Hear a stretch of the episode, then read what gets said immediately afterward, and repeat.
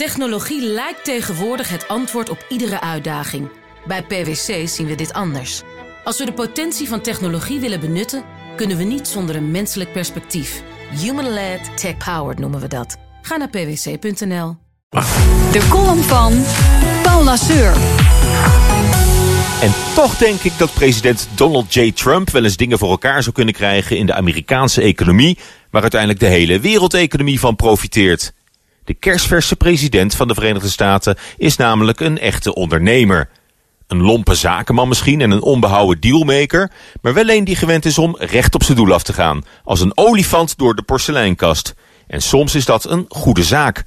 Een mooie testcase ook voor iedereen, ook in ons land, die roept om minder beroepspolitici en meer ondernemers in de politiek. In elk geval laat Trump zich niet afremmen door politieke spelletjes en gevestigde belangen.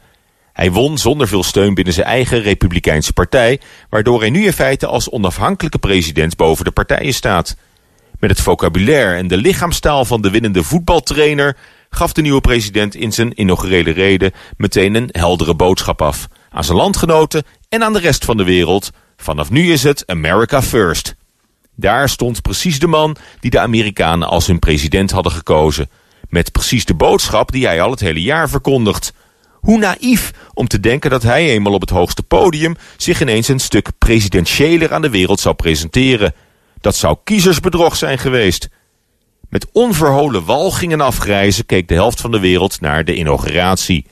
En nee, zelf ben ik ook geen fan van de persoon Trump. Met zijn patserige, gouden torens en onbeschofte gedrag. Met weemoed en bewondering kijk ik terug op acht jaar beschaving onder de Obama's met hun bevlogen toespraken. Een groter contrast bestaat niet.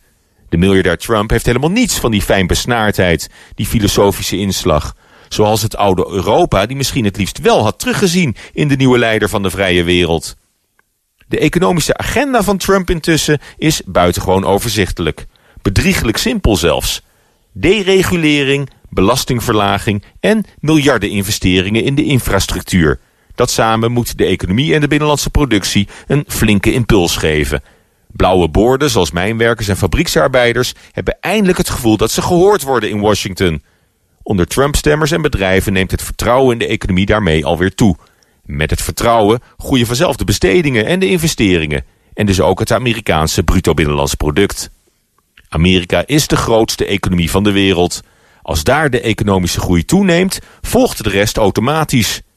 Puur economisch gezien had de nieuwe president dan ook best een wat minder koud onthaal verdiend.